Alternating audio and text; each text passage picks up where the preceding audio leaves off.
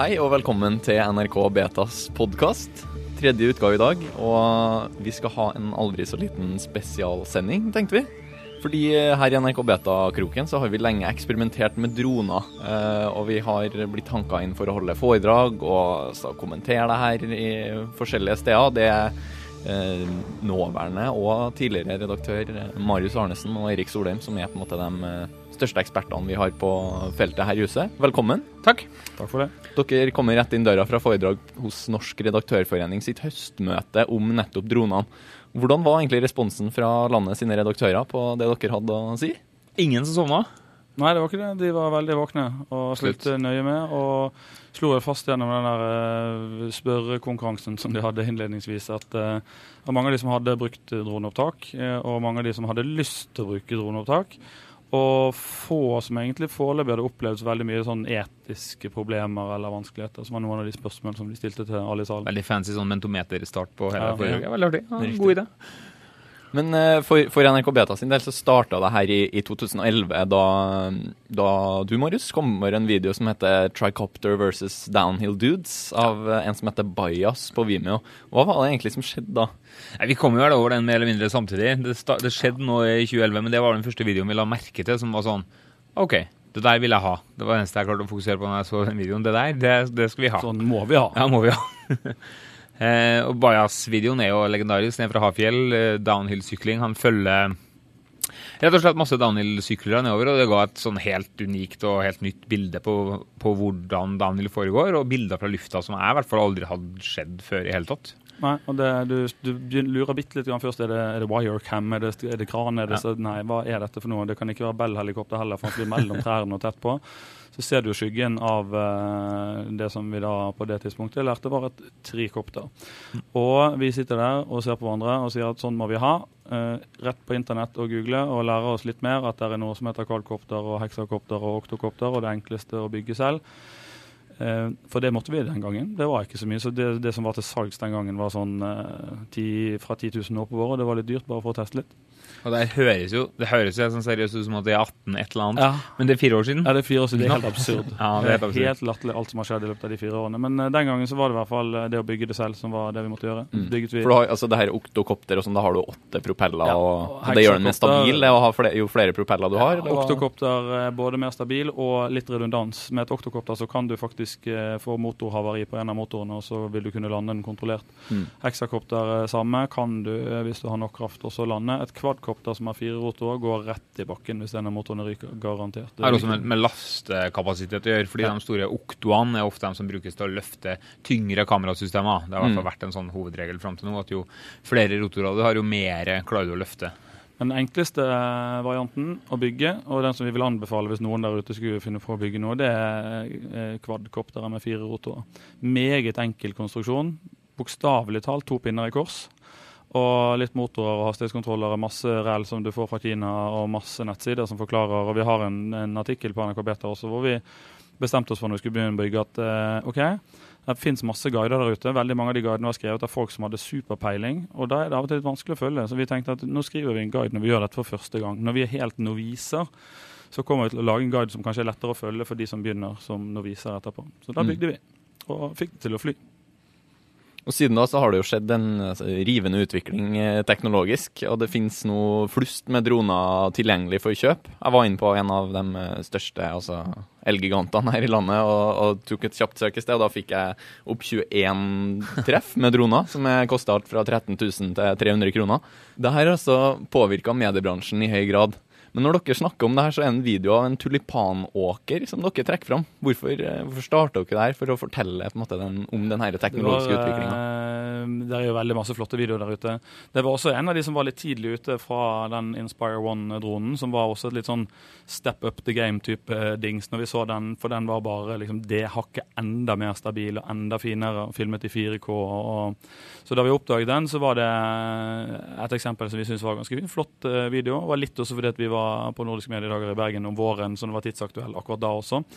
Eh, Men det er en annen ting med den, og det er jo det at den viser hvordan du kan fly veldig tett på eh, ting. Eh, her er tulipaner, som ville blitt totalt ødelagt hvis du hadde flydd en meter over dem med et Bell-helikopter. Så det er en type bilder som du ikke kunne fått på en annen måte, egentlig. Men, men, det er jo også en økonomisk ting her med det at det, det Jeg antar at det er rimeligere å, å få tak i dronefoto enn det er med et helikopterfoto, f.eks. Ja, Rent sånn, sånn, økonomisk er det jo ganske sånn enkelt regnestykke. Hvis du, hvis du forenkler litt, så er det i hvert fall det. Eh, et helikopter i Norge hvis du skal leie det, koster ca. 15 000 kroner i timen. Eh, mens eh, den Inspire One-drona, som har på en måte blitt en slags sånn industristandard for sånn relativt lett TV-produksjon, sammen med lillebroren Phantom, eh, koster 30 000 kroner. Eh, lillebroren Phantom koster 15 sånn at det, det, er et økonomisk regnestykke som for en mediebransje som er pressa på pris i alle retninger, er ganske hyggelig. Nå er det noe vedlikehold og en del sånne ting som kommer i tillegg, men, men, i forhold til å drive på og fly ordentlig helikopter, så er bruk av droner helt sånn hinsides mye billigere. Det fins uh, også en video av dere på nettet. Den heter Damoose og har snart en million uh, visninger på YouTube. Jeg tenkte vi skulle bare høre et kjapt kutt fra den. Det er elg? elg ja. Visst faen. Det er faen meg elg! Hvor jævlig kule opptak blir det her, da? Hvor jævlig kule opptak blir det her, da? Nei, lenger enn det jeg pleier. Jeg går innover, da. Nei, jeg kan ikke fly lenger inn enn det. Hvor jævlig kult det blir! Og nå kommer han og tar deg? Nå kjenner deg. Så jævlig kult! Og så jævlig kult! Go see, though! Jeg trodde vi var enige om at vi ikke skulle snakke om den der. Oh, ja, skal vi ikke snakke om den? Hvor fant du den? Hvor fant du den? Du fortalte om det her. Nei, det, er, det her er Eriks, det her er Eriks prosjekt. Ja, det er en fascinerende greie. Vi er, jo, vi er jo forsiktige mennesker, så vi pleier å dra opp i Maridal eh, når vi skal fly, for vi har lyst til å fly der hvor det ikke er mennesker og ikke biler og ikke ting vi kan ødelegge. For vi må innrømme at vi krasjet en del til å begynne med. Så der er det store, åpne jorder og områder hvor vi kan fly, og vi ikke trenger å være redd for å skade noen. Så da har vi jo flydd der i ukevis og månedsvis og ikke sett noen ting levende. Og så kommer vi da over denne elgen som står og tusler inn i skogen og leter etter litt mat. Og akkurat den gangen så hadde jeg da eh, opptaksutstyr på bakkestasjonen min, sånn at der hvor vi står og der hvor jeg står med radioen og styrer dronen, gjør vi opptak, så vi hører veldig tydelig hva som ble sagt. Og det er jo der eh, vi blir litt eh, entusiastiske, kan vi vel si, når vi oppdager denne elgen. Eh, som overhodet ikke er redd for drone heller. Den er mer nysgjerrig enn en redd, og det er kanskje elger i Maridalen er ganske vant til eh, ting som lager lyd. Jeg føler at folk må ha med seg i ryggsekken når de hører og ser det klippet at vi har vært der i to år og filma grantrær og åkra. Ja. Og når det da plutselig dukker opp en elg, intet mindre, en elg inni skogen, og vi er en meter fra, så eh, ble vi jo litt ivrig. Jeg var i hvert fall litt ivrig. Du holdt jo relativt uh, Jeg godt. måtte holde tunga beint i munnen for å styre denne her dronen innimellom trærne der, for det er ikke bare enkelt det heller, men vi kom oss hjem med opptak og alt. Vi driver med historiefortelling i mediebransjen, men hvordan er det egentlig droner kan hjelpe oss med, med det her? Historiefortellinga i mediebransjen handler jo ofte om at man vil gi et overblikk eh, over ting fra lufta. Noe som gir et helt annet perspektiv og en helt annen forståelse av f.eks. en naturkatastrofe, en ulykke, en flom eller whatnot. Eh, og i tillegg så vil du ha en nærhet til det.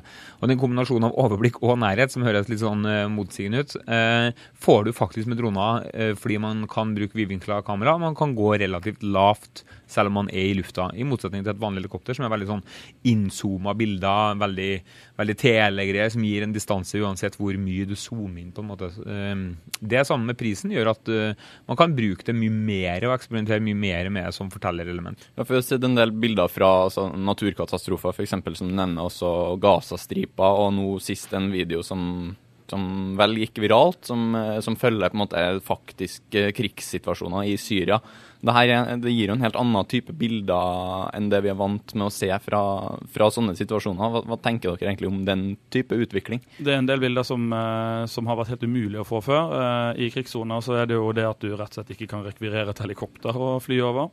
Eh, det vi ofte har sett er de veldig sånn distans, distanserte bildene, eller fra en eller annen som kryper rundt nede i ruinene og prøver å vise at her er det store ødeleggelser. Idet du får en drone som flyr bare to meter over hustakene, så får du et helt annet bilde av hva som foregår. Og, og den videoen fra, fra, Syria som foregår mens krigen er i full gang, og det flyr raketter forbi dronen. Det er jo fordi at det ikke er noe menneske oppi der. Den dronen det er en sånn Phantom de har brukt, faktisk. Den koster 15 000 kroner. Ja, du Så får kjøpt den her i Norge og på, Ja, ja, på hobbybutikken. Ja, og om den uh, blir skutt ned, så bare sender du opp en til. Så det er en type bilder som hadde vært helt umulig å få på noen annen måte. Og det er fascinerende av og til når du ser på noen av de bildene, så, så klarer ikke hjernen din å ta inn over seg at dette er ekte. Når du ser på de bildene fra Syria, så tenker du bare Counter-Strike og dataspill med en gang. Det, er sånn du er vant til å se det. på en måte. Det, er- det har vært 3D-generert hvis du har sett krig på den måten. Tenk seg som kjører under deg og skyter, og, og den ruinhaugen som dessverre deler av Syria nå er, er helt sånn uvirkelig. Og det, det gjør at dronejournalistikken faktisk kommer til sin fulle rett. Da. Den åpner opp øya og viser oss nødeleggelser og endringer i verden som vi ikke tidligere kunne ha tatt inn over oss på samme måte. Det var jo også en del altså, tilløp til dramatikk under f.eks. Lærdalsbrannen, hvor det ble sendt opp droner, og, og, og som en følge av det i hvert fall ble det rapportert satt opp flyforbud og forskjellige sånne ting. Hva, hva tenker dere om måte, de konsekvensene av å sende opp noen ting f.eks. her i Norge da, under, en, under en sånn hendelse? Akkurat der så er det jo helt tydelig at vi trenger et regelverk. Eh, Vi har litt sånn wishy-washy regelverk fra Luftfartstilsynet nå. Det er under eh, videreutvikling. De kommer med nye R-passforskrifter eh, straks. Jobber med det eh, nå. Og det er klart, akkurat sånne tilfeller så trenger vi det. Fordi eh, redningshelikopter, politihelikopter, brannslukningshelikopter, alle sånne ting eh, går lavt. Eh, følger ikke vanlige sånn luftromsspilleregler. Men der er det ganske enkelt. Vi som NRK er jo en profesjonell aktør. Luftfotogjengen til oss har jo Ja, for det har vi begynt med en egen avdeling for luftfoto, rett og slett. ja visst, veldig flinke folk som får mer og mer å gjøre, for det blir mer og mer populært her, tro det eller ei. Og de har et veldig sånn ryddig forhold til både myndigheter, men også til sånn myndigheter på bakken, som operasjonsleder og skadestedsleder og sånne ting, når man kommer fram til f.eks. En, en ulykke eller en større hendelse. Da. Og da er det vanlige regler som gjelder for pressen. Man tar kontakt og sier vi er her, vi ønsker å gjøre det og det og det. Og så har man en dialog. Og det er jo utrolig som det hjelper å bare prate med folk. Altså, det, det er ofte en god inngang. Mm. Men det er jo eh, helt egne regler for akkurat bruk av droner for det at vi beveger oss opp i luftrommet. Og som er da eh, bestemmelser fra Luftfartstilsynet hvordan man skal oppføre seg der. Og der er noen potensielle farer som er sånn ordentlig, ordentlig, ordentlig ille. Og det aller enkleste er jo propellene som er skarpe, som du kan kutte det på. Det har vi vel alle, vi som har lekt med dette som hobby ganske lenge, har noen arr på fingrene et eller annet sted. Det er ingen jeg har snakket med som ikke har det, for de har fått fingrene i propell på en eller annen måte. Og, så det er én ting. Men det er stort sett heldigvis ikke dødelig. Det er veldig ubehagelig. Og, Nesten alltid så har det vært sånn at når vi holder på å bygge, skjønner du. Ja. Det skjer ikke så ofte når man flyr, for da har man liksom vett nok til å holde seg unna. Men når vi holder på å bygge og lodde og teste og skal bare koble til batteriet for å se, skal bare, skal bare, så bli, det er fort gjort å bli litt uforsiktig. Da kan det gå en eh, finger eller et Det er kutt. også et sånt generelt råd til dere som har lyst til å begynne å leke med droner. Når du skal teste ting, når du er på benken inne, ta av propellen. av propellene. Og dette har vi Og vi gjentar ta av propellene. dette har vi lest tusen ganger. Jeg har ikke begynt med det fast før jeg fikk mine arr på den ene hånden og blodet sprutet inn på stuebordet fordi at dronen spant opp i full fart når jeg ikke hadde tatt av propellen. Men det er jo én ting. Det andre er at den kan dette ned på folk. Den veier fra en kilo til 3, 4, 5, 6, 7, 8, 9, 10 kilo.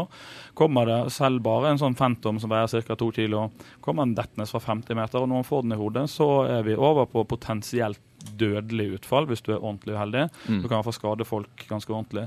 Det andre er, som folk ikke tenker på Ja, men her er det bare Det er ikke noe folk her, det er bare biler. Jeg bare flyr over en motorvei.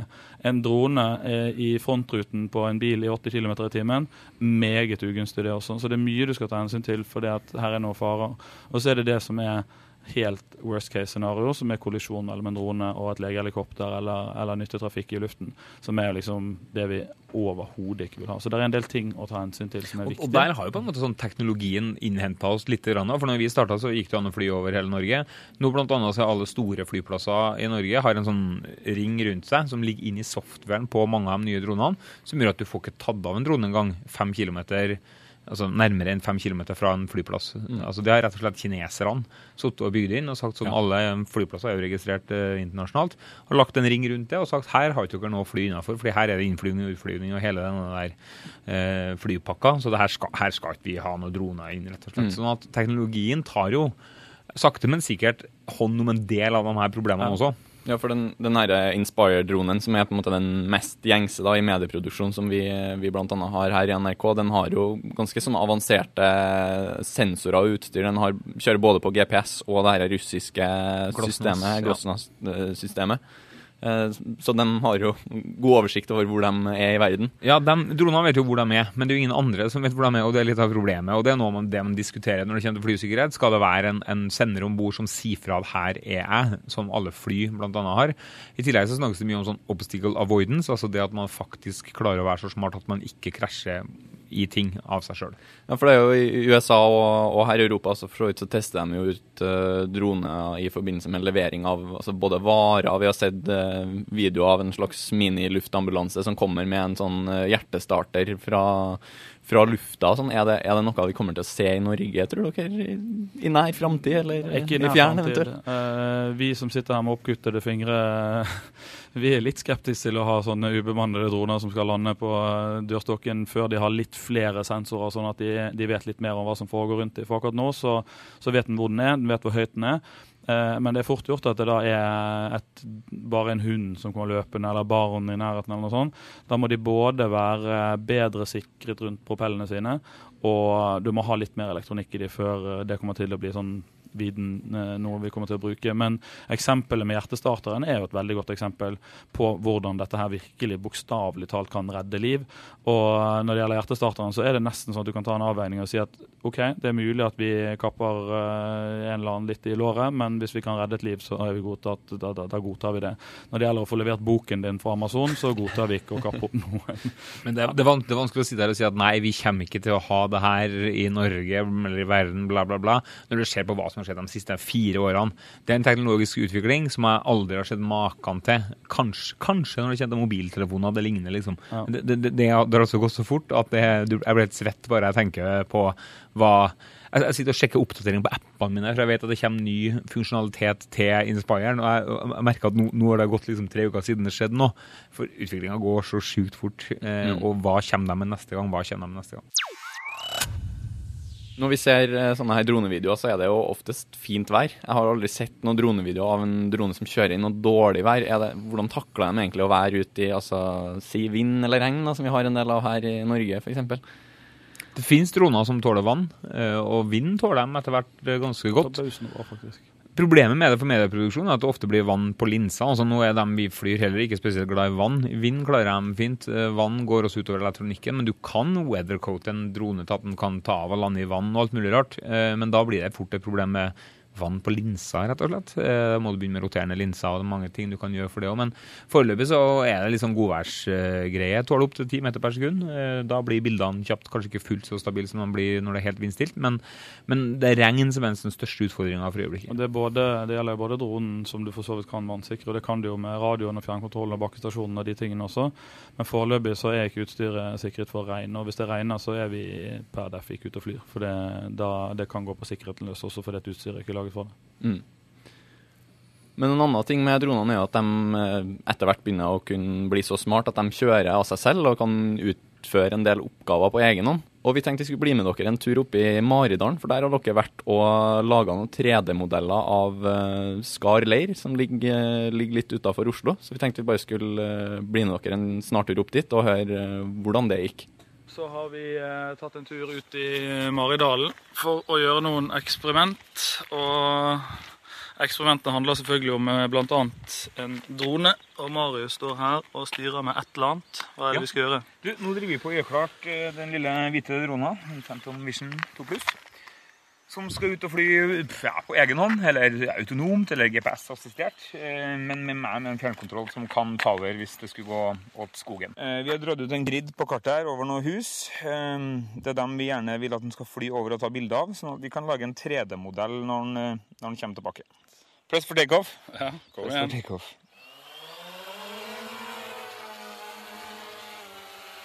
Ligger inne og tenker litt, og nå begynner han på jobben sin. Nå begynner han på jobben sin. Jobben er å ta stillbilder av det området som er under oss her, en forlatt militærleir ute i Maida. Ligger den på 60 meter og koser seg, og begynner å kjøre, kjøre den først helt over til andre sida. Og starte på griden der. Får vi bare vente, da. Ja visst. Så du har kontroll her nå på alt sammen. Du vet hvor den er. Batteri, hvor mye batteri har du igjen? da? 52 Det er masse å gå på. Skal vi se. Der kommer den. Dette betyr at den er ferdig. Det betyr at den er ferdig og skal lande. Og det her eh, leder jo til en flott eh, 3D-modell av leiren. Hva, hva er det egentlig en sånn modell kan brukes til? Ja, Dette her er jo det nye buzzwordet, altså autonom flyving, der droner rett og slett bare gir bare beskjed. Fly en grid, eh, ta de bildene her i dette tilfellet, kom tilbake. Eh, Det er et tastetrykk bokstavelig talt på en app, og så gjør drona alt det den skal. Eh, Den 3D-modellen her i vårt tilfelle kan brukes til, er jo eh, altså gi publikum da, for, for NRK sitt vedkommende en oversikt over en eh, om det er en ulykke, eller om et jordskred, eller om det er eh, ei bru som har ramla ned. Eh, Det å lage en 3D-modell som vi kan bruke på, på nettet, eller som TV-grafikk, eller på andre måter utnytte sånn at publikum får en bedre forståelse av ting, er gull verdt. Og når det er blitt så enkelt å få til en 3D-modell som dette her, så er det plutselig interessant også i, i nyhetsformidling. Også for produksjonsplanlegging. hvor vi kan, eh, Hvis vi skal lage en dramaproduksjon fra et område, så kan vi gå ut med bokstavelig talt et tastetrykk eller to, lage en 3D-modell, og så kan vi sitte hjemme og planlegge veldig mye bedre. Når vi er ute på store produksjoner, så er det veldig veldig dyrt. Det er mange mennesker der. Og jo bedre vi kan planlegge det på forhånd og se kameravinkler, hvor mange mennesker vi trenger, hvor den bilen må stå i forhold til bygningen, alt det kan vi gjøre i 3D-modellen før vi går ut.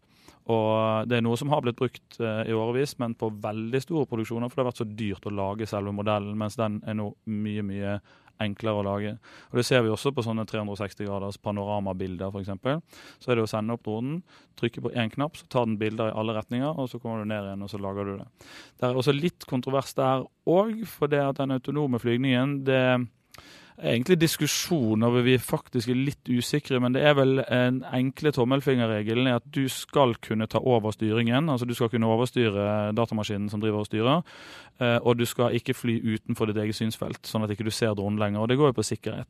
At du hele tiden kan stå på bakken og se den dronen og ta over hvis det er et eller annet som skjer. Eh, er sånn som reglene foreløpig. Så må du ha spesialtillatelser hvis du skal kunne fly såkalt beyond line of sight, altså utenfor uh, ditt eget synsfelt. Da må du ha egne tillatelser og meldt fra ordentlig på forhånd, sånn at uh, annen lufttrafikk vet at nå er det et uh, fly eller en drone her som flyr på egen hånd. Vi, her i NRK så har vi også eksperimentert med å kjøre live altså TV-sendinger fra droner, f.eks. under store sportsarrangement og sånne ting. Det er en ting å se det i en dokumentar eller noe preprodusert, men øh, hvordan er, er det noe forskjell på en måte å gå live fra en drone eller en annen reporter ute i felten? Nei, egentlig så er det jo ikke det, sånn som teknologien har blitt nå. Det her har jo bare blitt mulig de siste årene, mye pga. at flytida har blitt bedre, kameraene har blitt bedre, og ikke minst har digitallinkene også blitt bedre. Eh, når vi bruker store TV-produksjoner, så har, er det rett og slett ei drone som står på bakken, og som tar av når man trenger det, i enten hopp eller utfor eller langrenn. Og så duk, er det rett og slett bare en digital link ned og en kabel inn til, til bussen som produserer, og så dukker den kilden opp på, på klippeskinna til, til produser som en hvilken som helst annen kilde. Men det er klart det gir jo en helt, en helt andre bilder enn vi har, vi har sett før på idrettsarrangement òg. Eh, og det, det er mye godt da at teknologien har gått så langt som den har, som gjør at det her er, er mulig. Mye pga. flytid og, og de tingene der. Men det fins eh, altså stadig flere droner som vi hører om her, og, og folk som altså, bygger sine egne og legger til forskjellige funksjoner. Vi ser også f.eks. sånn her speed flying med droner, hvor man eh, kjører Race, racing. Drone racing. Det er jo egentlig bare noen som har tatt eh, radiostyrt billøp opp i lufta. Ja, Det er jo faktisk så enkelt som det. Ja, men det, i radiostyrt billøp så står man stort sett og ser på banen eh, med sine egne øyne. Men det du gjør her, er å fly da såkalt first person view. Det er enkelt fortalt. Du har kamera om bord i dronen med videolink, og så har du på deg sånn dykkermaske eller videobriller da, som, som gir deg akkurat det du kan se ut av Sjekker dronen. dritsmart ut. Du ser veldig veldig rar ut, men det er så gøy at det, det er bare Det går vi glatt Ikke gjør det i nærheten av Dikemark. Da rett ut. Men, eh, men der står du med videobriller og har et eh, svært bilde av eh, live fra kamera om bord i dronen. Kort fortalt, det virker omtrent som du sitter inni dronen selv når du flyr. Så det blir jo, eh, det blir jo den der Star Wars podracing eh, in real life-type greie. Det er dataspillet som du aldri noensinne har vært borti. For du har friheten av at du faktisk er ute. Du har nerven av at det er en uke på benken hjemme som venter hvis du krasjer litt ordentlig, så det er ikke bare å trykke restart sånn som i en flight simulator. Eh, og det er, det er ordentlig, ordentlig, ordentlig gøy å bli enige om en eller annen rute man flyr, og så flyr vi om kapp. Det, det er latterlig gøy. Så gøy at vi bryr oss ikke om at vi ser stengale ut med de brillene. Og om vinteren så har vi gjerne sånn muffe på radioen for vi blir kalde på fingrene. Og det ser ikke bra ut, men er veldig moro. The revenge of the nerds. Men hvordan er det med etikken med det her, da? Altså, det En ting er jo at jeg kan springe rundt med mobilkameraet mitt og, og filme hva som helst, men er det egentlig noe, noe forskjell på at jeg gjør det med en drone? Ja, det er jo en forskjell, eh, men jeg syns egentlig, og jeg skal, ikke, jeg skal ikke fjerne det problemet helt, men jeg syns problemet er mindre enn det folk tenker. For det er en ting som vi får spørsmål om en eneste gang. Og hvis jeg er ute og flyr òg, så spør de meg en gang ja, da kan, du, da kan du filme inn vinduet mitt. da, Du kan fly inn og filme hagen min. og nå har det vært mulig veldig veldig lenge. Med, nå går alle med kamera i lommen, og det å snike seg inn i en hage og filme inn et vindu eh, har vi kunnet Men sånn selfiestick så kommer det jo ganske høyt. Selfiestick så kommer det også et stykke opp. Men det er jo ikke et veldig stort problem at vi gjør det. Um, det, folk er litt redd for den dronen litt fordi at den ser veldig unaturlig ut. Den ser litt sånn skremmende ut, og den summer som en svær uh, veps. Den lager litt lyd. Uh, og det verste der er det at du ikke umiddelbart vet hvem som styrer den. Den kommer litt sånn uh, som en sånn science fiction-dings der oppe i luften, og så er ikke det alltid du ser hvem som styrer den med en gang. og Det syns folk er veldig skremmende. Men den bråker, og du hører den, og du kan da begynne å oppføre deg deretter. Du, og, det, og det, selvfølgelig så skal folk vise hensyn, og du kan bli straffet for å drive og forstyrre privatlivets fred uh, med en drone og med andre ting, for den saks skyld. Um, men jeg syns egentlig det er ti ganger verre med mobilkamera hvor en eller annen sitter og later som han sitter på Facebook, og så blir jeg filmet uten at jeg vet det. Og den lager ikke lyd engang. Telelinsen, du kan sitte langt unna med en telelinse jeg ble filmet og tatt bilder av uten at jeg vet det. Dronen har stort sett vidvinkellinse. Du må ganske tett på for å filme noen. Den er veldig irriterende, men du ser den. Og um, avklarte forhold her. Ja, Personvernspørsmålet er faktisk eh, det er viktig, og vi skal følge med på det. fordi at du kan fly inn over eiendommer og komme til på steder som du ellers ikke ville komme til. Men jeg syns ikke det er så stort problem. Og når det kommer en drone flygende over badestranden, eh, og når det er små barn som, eh, som leker der, så er de aller fleste reagerer da umiddelbart på at ikke film mine barn som er her. Jeg vil heller si at det er en kjøttskalle som flyr over hud som kan kappes opp av de propellene. Det er faktisk faren jeg syns er verst der. Verre enn filmingen. Det er ille nok å filme, men det er enda verre at du er så uaktsom at du flyr over andre mennesker som du kan skade. Droneutviklinga har jo egentlig kommet ganske langt eh, allerede, kan vi jo stadfeste nå. Men, men hva er det egentlig som ligger i, i framtida for droner? Er det, er det, blir det bare flere av dem, eller eh, blir Ja, de mer Fe- Flere, mindre, bedre, raskere. Det er en ting som er, For oss som prøver å se litt inn i fremtiden, hvilket er ganske umulig, så er det heldigvis da noen halmstrå vi kan holde oss til. Og innenfor teknologi så er det nesten på alle områder billigere, mindre, lettere, bedre. Det gjelder i hvert fall. Og det vet vi at dronene kommer til å bli òg. Og det er fascinerende, den utviklingen som har vært de siste fire årene. Og, og hvis du ser på hva Forsvaret f.eks. har nå, med Black Hornet fra Prox Dynamics, den veier 16 gram, den har vel tre HD-kameraer om bord.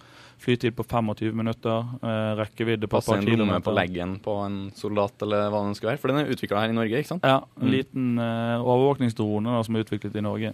Som eh, er meget imponerende. Og vi vet at ja, det er faktisk ikke så mange år til vi menigmann de selger de greiene der på Elkjøp. Og da er vi kanskje tilbake igjen til personvernspørsmålet nok en gang. Når de begynner å bli enda mindre og enda lettere og enda mer sånn eh, komme tett innpå. Men det, er jo, det, er jo, altså det har gått veldig fort, eh, den utviklinga med droner. Men det, når man kikker litt framover og vet hva man kan få til, ikke minst når man kikker på militær teknologi, så skjønner man at vi er jo ikke i mål ennå. Det er utrolig mange forbedringspotensialer.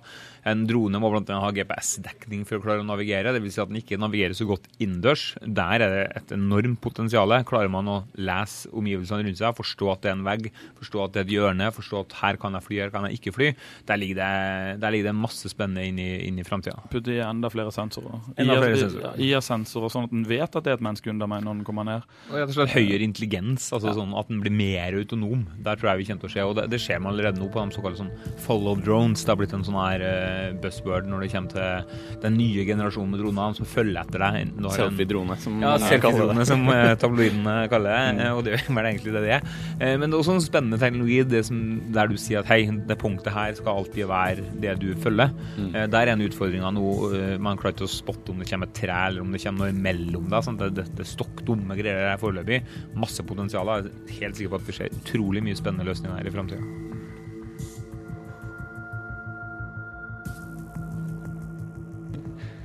Det var alt vi hadde fra NRK Beta om droner enn så lenge. Har du tips eller tilbakemeldinger, send oss gjerne en e-post på nrkbeta.krøllalfa.nrk.no. Tusen takk for grundig gjennomgang av droner, Eirik og Marius. Vi høres neste gang. Gjør vi. Ha det godt. Ja, ha det, ha det.